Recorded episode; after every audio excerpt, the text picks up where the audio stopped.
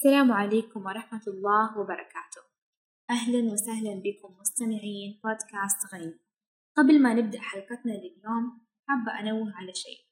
هو أنه معظم العلماء في الفترة قبل الميلاد قصصهم غير معروفة فالقصص والتفاصيل لبعض العلماء قليلة جدا وبعض العلماء تذكر أسماءهم بدون قصص لأنه أحيانا يكون العالم ما أثبت اكتشافاته والعلم اللي توصل له.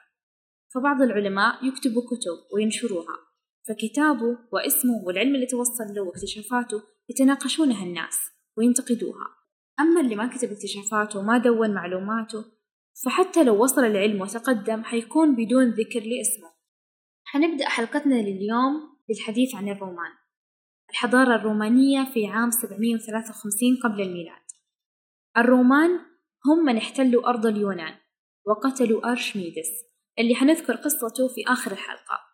فللأسف قلت أهمية الرياضيات في ذلك الوقت وعلى الرغم من تقدم الرومان في جميع المجالات إلا أنهم لم يبتكروا أي شيء في مجال الرياضيات. أنشأوا نظام للأرقام والأرقام الرومانية اللي نستخدمها إلى الآن كانت تعتمد على النظام العشري ولكن ما كانت تحتوي على الصفر فكانت صعبة في إجراء العمليات الحسابية والرياضية. أيضا من إنجازاتهم وضعوا رمز للمجهول وعلامة التساوي والطرح. حنتكلم اليوم عن العالم زينون أو مخترع الجدل الفلسفي.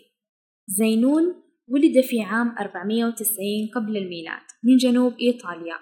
بسبب حججه عن اللاتناهي ظهر علم التفاضل والتكامل كحل لهذه المشكلة وكان عضو في المدرسة الإيلية سماه أرسطو بمخترع الجدل واشتهر بمتناقضاته وتوفي في العام 430 قبل الميلاد.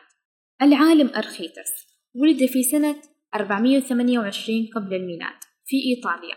درس الرياضيات وأسس الميكانيكا الرياضية وهو أول من بنى آلة طائرة وسميت بالحمامة وبالفعل طارت 200 متر. كان أرخيتس صديق لأفلاطون وتوفي في عام 347 قبل الميلاد. العالم أفلاطون أو صانع الرياضيات من طلاب فيثاغورس ولد في 428 قبل الميلاد. شجع الإغريق على دراسة الرياضيات وأسس أكاديمية عام 387 قبل الميلاد وأكد على أن الرياضيات وسيلة لفهم الواقع وأن الهندسة هي مفتاح لفك أسرار الكون. وعلق على مدخل الأكاديمية لافتة تقول لا تدع أحدا جاهلا بالهندسة يدخل إلى هنا. عرف الأشكال الثلاثية الأبعاد المتماثلة الخمسة واعتقد أنها أساس الكون وسميت بالمجسمات الأفلاطونية.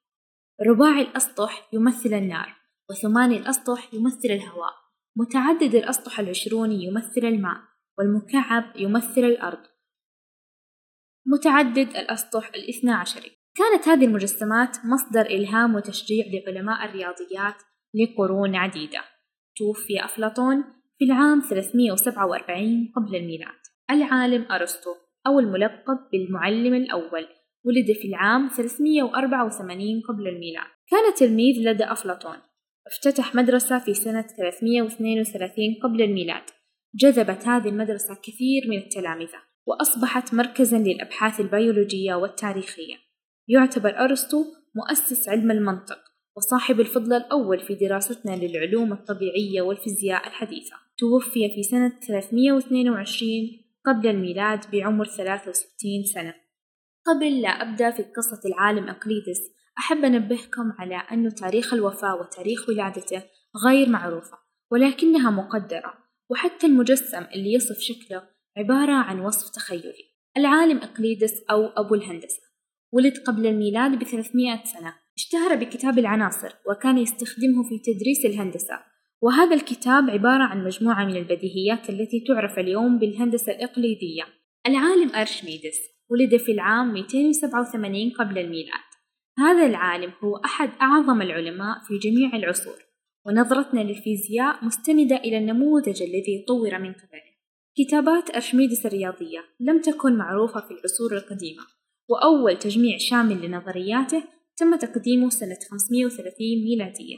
كان أرشميدس ذو عقلية متعددة الاهتمامات يحب صناعة الآلات ودراستها. وهدفه الأول معرفة القوانين الميكانيكية التي تتحكم في عمل الآلات وكان ولعه بالرياضيات لا يشغله عن الاهتمام بالميكانيكا والفيزياء النظرية والفلك. بفضل هذه الاهتمامات المتعددة أصبح من أوائل الذين انتقلوا بالرياضيات من المجال النظري إلى المجال التطبيقي. قصة وفاة العالم أرشميدس توفي في العام 212 قبل الميلاد وعمره 75 سنة تقريبا. كان في منزله. يحل مسألة رياضية لا يدري عن احتلال المدينة من قبل الرومان. كان يرسم مسألته على الرمال عندما دخل عليه جندي روماني وأمره أن يتبعه فرد عليه من فضلك لا تفسد دوائري فغضب الجندي وطعن أرشميدس دون تردد. على الرغم من أن الأوامر كانت بعدم التعرض له بالأذى العالم إيراتوستينيس ولد في العام 276 قبل الميلاد وهو أول شخص يحسب محيط الأرض وأول من حسب محيط الأرض المحوري. والملفت للنظر أن حساباته كانت دقيقة. كان إيراتوستينيس كأي شاب يوناني في ذلك الوقت يسافر ليوسع دراساته. فتعلم المهارات الفيزيائية والخطاب الاجتماعي والقراءة والكتابة والحساب والشعر والموسيقى. توفي في الإسكندرية عام 194 قبل الميلاد. وبكذا نكون وصلنا لنهاية حلقتنا لليوم. ألقاكم بأفضل حال في الحلقة القادمة.